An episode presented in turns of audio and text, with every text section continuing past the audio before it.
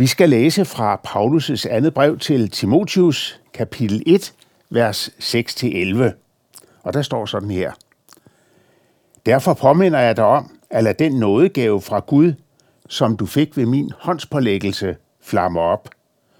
For Gud har ikke givet os en fej ånd, men en ånd med kraft og kærlighed og besindighed. Skam dig derfor ikke ved vidnesbyrdet om vor Herre, eller ved mig, hans fange, men vær med til at lide ondt for evangeliet med den kraft, Gud giver. Han frelste os og kaldte os med en hellig kaldelse, ikke på grund af vores gerninger, men efter egen beslutning og af den nåde, som var givet os i Kristus Jesus for evige tider siden, og som nu er åbenbaret ved vor frelser, Kristi Jesu til synekomst, ved ham, der til intet gjorde døden og bragte liv og uforgængelighed for lyset ved evangeliet. For det evangelium er jeg indsat som forkynder og apostel og lærer. Amen. Og vi vil bede. Herre, velsign du dette ord, og giv du os alt, hvad vi trænger til. Amen. Timotius, som vi hører om her, spiller en central rolle i evangeliets udbredelse. Han var en mand, som apostlen Paulus havde oplært, og som blev brugt i missionsarbejdets første tid. Vi hører om ham flere steder i Ny Testamente, og han er omtalt med stor varme for den omsorg, han har i Paulus' breve. For eksempel i 1. Thessalonikerbrev, kapitel 3, så hører vi om, at Timotius han er en ressourcefuld, arbejder med snille og smidighed, der hvor dørene de ser ud til at være lukkede for andre. Og den konkrete situation der, det er, at Paulus han har stiftet en ny menighed i Thessalonika, og så måtte han rejse uden at gøre sit arbejde færdigt. Og nu havde tingene udviklet sig på den måde, at det var umuligt for ham at komme tilbage. Vi ved ikke hvorfor, men Paulus han måtte blive tilbage i Athen og kigge længselsfuldt frem mod den menighed, han havde stiftet. Og så står der sådan om hændelsen i 1. Thessalonikerbrev, kapitel 3, vers 1-6. Da vi derfor ikke længere kunne holde det ud, så besluttede vi at blive alene tilbage i Athen, og vi sendte Timotius, vor bror og Guds medarbejder, i forkyndelsen af evangeliet om Kristus, for at styrke og trøste jer i jeres tro. Så ingen bringes til at vakle under disse trængsler. I ved jo selv, at det er vi bestemt til. Allerede da vi var hos jer, sagde vi til jer, at vi ville komme ud for trængsler. Sådan gik det også, og det ved I. Da jeg derfor ikke længere kunne holde det ud, så sendte jeg besked for at få bud om jeres tro, om fristeren skulle have fristet jer, og vort slid skulle have været forgæves. Men nu er Timotius kommet tilbage fra jer og har bragt os et godt budskab om jeres tro og kærlighed, og om at I altid husker os med glæde og længes efter at se os, ligesom vi også længes efter at se jer. Hvordan var den her betroede medarbejder Timotius som menneske? Hans måde at handle på under den her farefulde rejse til Thessalonika, det tyder ikke på, at han var for fej til at påtage sig en risikofyldt rejse, når det galt, men han var sikkert dygtig og omhyggelig med at begå sig. Og når Paulus her i vores tekst taler om fejhed, altså en fej ånd, så handler det måske snarere om, at Timotius han havde en tilbøjelighed til at være sky og genert i en sådan grad, at han måtte arbejde med det. Og Paulus, hører vi, har givet Timotius en nådegave ved håndspålæggelse. Det er en gave, som var klart forbundet med Guds ånd. Og Paulus bruger her et billede med gløderne af kul, altså opflamme den her nådegave, som han havde givet ham. Det her billede med gløderne af kul, som får liv ved, at man puster til dem. Og sådan skal hans nådegave flamme op.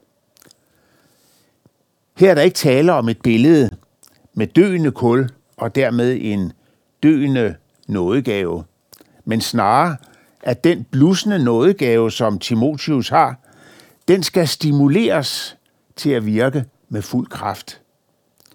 Og Timotius, han må lære at lade sig bruge af ånden. At Timotheus han er sky og genert, jamen det er jo en del af hans personlighed, og den skifter han ikke uden, uden videre ud, så han bliver magtfuld og karismatisk. Men Paulus udfordrer ham til at bruge den nådegave, han har fået, fuldt ud. Lad den flamme op. Han skal lade ånden lede sig i dette til at arbejde i evangeliets tjeneste med åndens kraft, kærlighed og besindighed. Og ordet besindighed, det kan også godt oversættes med selvdisciplin. Men åndens kraft, kærlighed og besindighed, det skal være hovedordene for det, som vi kigger på nu her. Åndens kraft, den så vi udfoldet i Timotius' rejse til Thessalonika, hvor han med snilhed overvandt de vanskeligheder, som rejsen gav ham, og han var trods sin sky personlighed utrolig ressourcestærk og tog resolut afsted i tro på, at Gud ville være med ham, og han var villig til at give livet for sit kald. Andre steder i Bibelen, der kan vi også se åndens kraft i svage mennesker. Vi kan blandt andet tænke på Moses, som Gud kalder til at konfrontere den magtfulde farao i Ægypten. Farao, han var bestemt ikke vant til at blive sagt imod. Men på trods af, at Moses han var usikker på sine egne talerevner, så gik han sammen med sin bror Aaron og forlangte op i faraos åbne ansigt, at han skulle lade israelitterne gå. Og der blev en kamp der, hvor det endte med, at Moses han vandt i Guds kraft. Vi kan også tænke på David. Det var en dreng, som blev kaldet af Gud til at tage en dødelig tvikamp med den gigantiske og stærke Goliat. Gud kalder stadig kristne til opgaver, som man kan kalde for umulige. Han kalder os til at gå på hans kald og at tro på, at han selv vil være med os. Og jeg kan da give det personlige vidnesbyrd, at som missionær, så har jeg flere gange oplevet, hvordan Gud har lagt en mulighed eller en opgave til rette for os, som ikke har været planlagt og som synes ret uoverstigelige, men hvor Gud på en eller anden måde har åbnet dørene og udfordret os til at gå, hvor han viste vej. At udvikle og opflamme sin nådegave, det handler i høj grad om at lade Gud bestemme farten og åbne dørene, og så være villig til at gå ind af de døre, som Gud han åbner for os. Åndens kærlighed, det var det andet ord, vi skulle kigge på, og det har sit udgangspunkt i det, som Paulus han peger på i vers 9 i vores tekst. Han frelste os og kaldte os med en hellig kaldelse, ikke på grund af vores gerninger, men efter egen beslutning, og at den nåde, som var givet os i Kristus Jesus for evige tider siden. Åndens kærlighed, det kristne fællesskab, det er i udgangspunktet et nådens fællesskab. Det er på grund af nåden i Kristus Jesus, at vi har noget, som vi kan kalde den kristne kærlighed. Det kristne fællesskab, det består af mennesker, som har brug for Guds nåde og frelsen i Jesus. Og vi er altså ikke en del af menigheden i kraft af ydre vellykkethed. Vi er det alene på grund af Guds nåde imod os. Guds kærlighed i funktion, det skaber enheden i os. Og nådens fællesskab, det understreger på en stærk måde for os, at en kirke eller en menighed ikke er en forening eller en institution. Den er et menneskeligt fællesskab af fortabte syndere, som tror på Guds ord og løfter og er blevet frelst af Jesus og har del i hans kærlighed. Vi taler altså om noget, som er meget større end de kirker og religiøse fællesskaber, som vi normalt identificerer os med. Det er et fællesskab, som går gennem hele verden og alle kirkesamfund og binder alle dem, der hører Jesus til, sammen i en stor familie. Vi kan kalde det Guds levende kirke. Hvad betyder det for os som kristne, at kærligheden, den så at sige, at den lim, vores fællesskab i Jesus er bundet sammen med? Apostlen Johannes, han minder os om i 1. Johannesbrev, kapitel 4, vers 7-10, hvad kristen kærlighed det er. Der står sådan her, Mine kære, lad os elske hinanden, for kærligheden er Gud, og enhver, som elsker, er født af Gud og kender Gud. Den, der ikke elsker, kender ikke Gud, for Gud er kærlighed. Derved er Guds kærlighed blevet åbenbaret i blandt os, at Gud har sendt sin enborne søn til verden, for at vi skal leve ved ham. Deri består kærligheden, ikke i, at vi har elsket Gud, men er i, at han har elsket os og sendt sin søn som et sonoffer for vores sønder. Den indbyrdes kærlighed i menigheden, den er bygget på et solidt fundament. Kærligheden, den er af Gud, som har elsket os, og som har sendt sin søn som et sonoffer for vores sønder. Og her er det vigtigt at være skarp, fordi kærligheden, det er ikke primært en følelse, men den bygger på den gerning, som Gud han har gjort for os. Åndens kærlighed, det handler altså mere om at gøre, end om at føle. Kærlighedsordet, der bruges i vers 7, det er ordet agape, det græske ord agape. Og det ord, det beskriver en kærlighed, som ikke kræver, at vi skal se ens på alle ting, eller egentlig have en varm følelse af, at vi kan lide at være sammen, og så er det godt at hjælpe hinanden. Og det er ikke følelser, som Agape først og fremmest spørger efter. Det er ikke noget tiltrækkende hos den anden, som vi spørger efter. Det drejer sig om, at vi handler efter at hjælpe den anden og vise vores kærlighed ved en gerning. Og den kærlighed, den er derfor først og fremmest handlingsrelateret, hvad vi egentlig også godt kan se på Jesu lignelser. Ligesom enheden i Gud, får vi også lov til at kopiere hans kærlighed. Den barmhjertige samaritaner og faren til den fortabte søn, som vi læser om i øh, Ny Testamente, de havde ikke kun gode følelser og positive tanker at vise for dem i nød. De gjorde noget for at hjælpe dem. Der er ikke tale om gensidighed. Der er ikke tale om, at vi har en varm følelse for hinanden, og så vil vi gerne hjælpe hinanden. Nej, agabekærligheden, den viser sig først og fremmest igennem det at give, uforbeholdent, uden at vente noget til gengæld. Og derfor så er der også et vigtigt element i fællesskabet i menigheden, at vi hjælper hinanden, og hver især finder den plads, hvor vi kan tjene med en kærlighedsgerning i menighedens arbejde, som tak for det offer, som Jesus har givet for os på Golgatas kors. Så kærligheden, det må sige at være den nådegave, det er vigtigst, vi nærer og får til at flamme op i vores menighedsliv. For at være sandheden tro i kærlighed, så er den sande prøve på en menigheds indbyrdes kærlighedsforhold og afhængighed af nåden i Jesus. For sandhed uden kærlighed, ja, det ender ofte i brutalitet.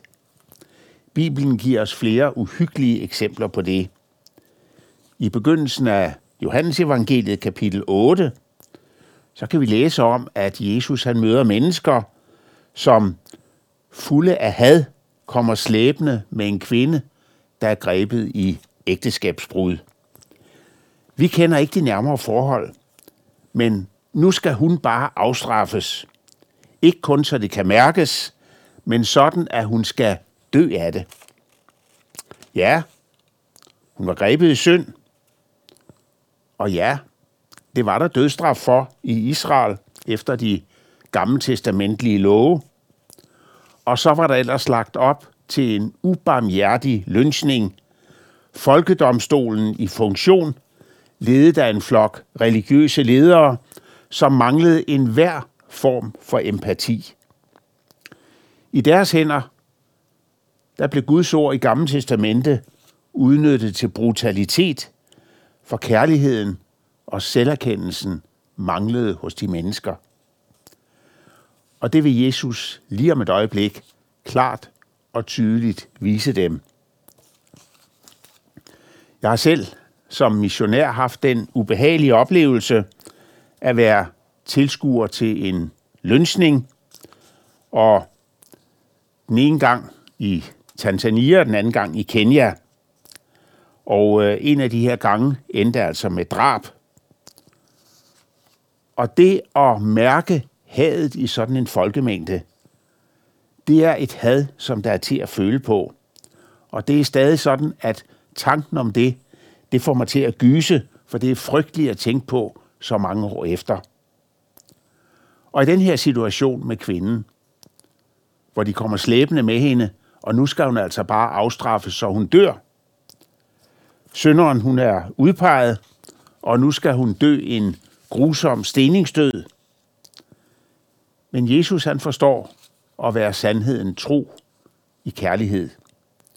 Vi læser, at Jesus sagde til dem, der kom med kvinden, den af jer, der er uden synd, skal kaste den første sten på hende. Og han bøjede sig igen ned og skrev på jorden. Da de hørte det, gik de væk, en efter en, de ældste først, og Jesus blev alene tilbage med kvinden, som stod foran ham. Og Jesus rettede sig op og sagde til hende, Kvinde, hvor blev de af? Var der ingen, der fordømte dig? Og hun svarede, Nej, herre, ingen. Så sagde Jesus, Heller ikke jeg fordømmer dig. Gå og synd fra nu af ikke mere. Jesus han viste, at det egentlige had og mørke, det var hos dem, der ville stene kvinden, og hun bliver sluppet fri af den skamfulde folkemængde. Og det er en fantastisk demonstration af, at Jesu ord besidder et lys, der kan ramme lige ind i menneskets formørkede hjerte. Og Jesus rammer med sine ord til kvinden også lige ind i hendes egen situation. Kvinden, hun skal ikke kun reddes fra brutaliteten og den her grumme steningsdød, men hun skal også frelses og have del i det åndelige testamente, der er gjort gyldig for os ved Jesu død og opstandelse, og som vi kan tage imod i tro. Og så det tredje ord, som vi læste om i vers 7 i vores tekst. Øh, ånden med kraft og kærlighed og besindighed, som Timotius han skal have. Besindighed. Ja, ordet betyder velovervejet og fornuftig, og det græske ord, det kan også godt oversættes med selvdisciplin. Selvdisciplin, ja, hos en kristen leder, så er det en værdifuld åndens gave. En anden af Paulus' nære medarbejdere, Titus, han får den her lære om besindighed i Titus brev, kapitel 1, vers 7-9. Som Guds husholder må en tilsynsmand være en, der ikke har noget at udsætte på, ikke enrådig, opfarende, drikfældig, voldsom eller ude efter skændig fortjeneste. Han skal være gæstfri have kærlighed til det gode, være besindig, retfærdig, from, herre over sig selv. Han skal holde fast ved lærerens troværdige ord, så han er i stand til både at formane med den sunde lære og at gendrive dem, der siger imod. Den kristne leders besindighed og selvkontrol, den er umådelig vigtig i menighedens liv, og det at være herre over sig selv, det er afgørende for alle kristne. Og du, som er kristen leder, som hører på det her, prøv at tænke på, at det at kunne besinde sig selv, det at have selvkontrol, det at have selvdisciplin, hvor vigtig en øvelse det er, at man står med den åndens gave i den ledelsesopgave, som man har fået af Gud. Det er en vigtig ting, for når vi giver slip på vores selvbefindelse, så forsvinder fornuften som noget af det første, og vi gør og siger ting, som vi bittert kan fortryde. I den sydøstasiatiske kultur, vi arbejdede i som missionærer i Kambodja, så var selvkontrol og det at være herre over sig selv noget af det, der blev værdsat allerhøjest. Uden at have selvkontrol, uden at kunne styre sig selv, uden at være herre over de situationer, man kom ud for, så blev man diskvalificeret og ikke taget alvorligt. Man havde bragt skam over sig selv. Så Paulus opfordrer Timotius til at opflamme disse nådegaver. Kraft, kærlighed og besindighed, selvkontrol. For os som kristne, så er det Guds ord, der skal være pejlemærket i vores liv, og ikke vores egne forestillinger og bedre viden. Og det er det, der sikrer, at vi ikke kommer på fejl kurs i vores kristne fællesskab. Den sikkerhed, vi har, det håb, vi har, det er noget, der ligger uden for os selv. Det er noget, der ligger i vores gode hyrde, Jesus, som gav sit liv for os. For der er én ting, der er sikker. Det er ikke os, der giver det kristne fællesskab og det kristne liv kvalitet, men det er Jesus. Amen. Og lad os bede. Himmelske Far, vi beder dig om, at du må velsigne os og være hos os. Vi beder dig om, at du må hjælpe os med at arbejde med de åndens gaver, du har givet os, og hjælpe os til at lade dem flamme op og blive brugt af dig, sådan som du vil det. Herre, vi beder om, at du selv må være med os og velsigne os i alt dette. Amen. Og så vil vi modtage Herrens velsignelse. Herren velsigne dig og bevare dig. Herren lade sit ansigt lyse over dig og være dig nådig. Herren løfte sit ansigt mod dig og give dig fred. Amen.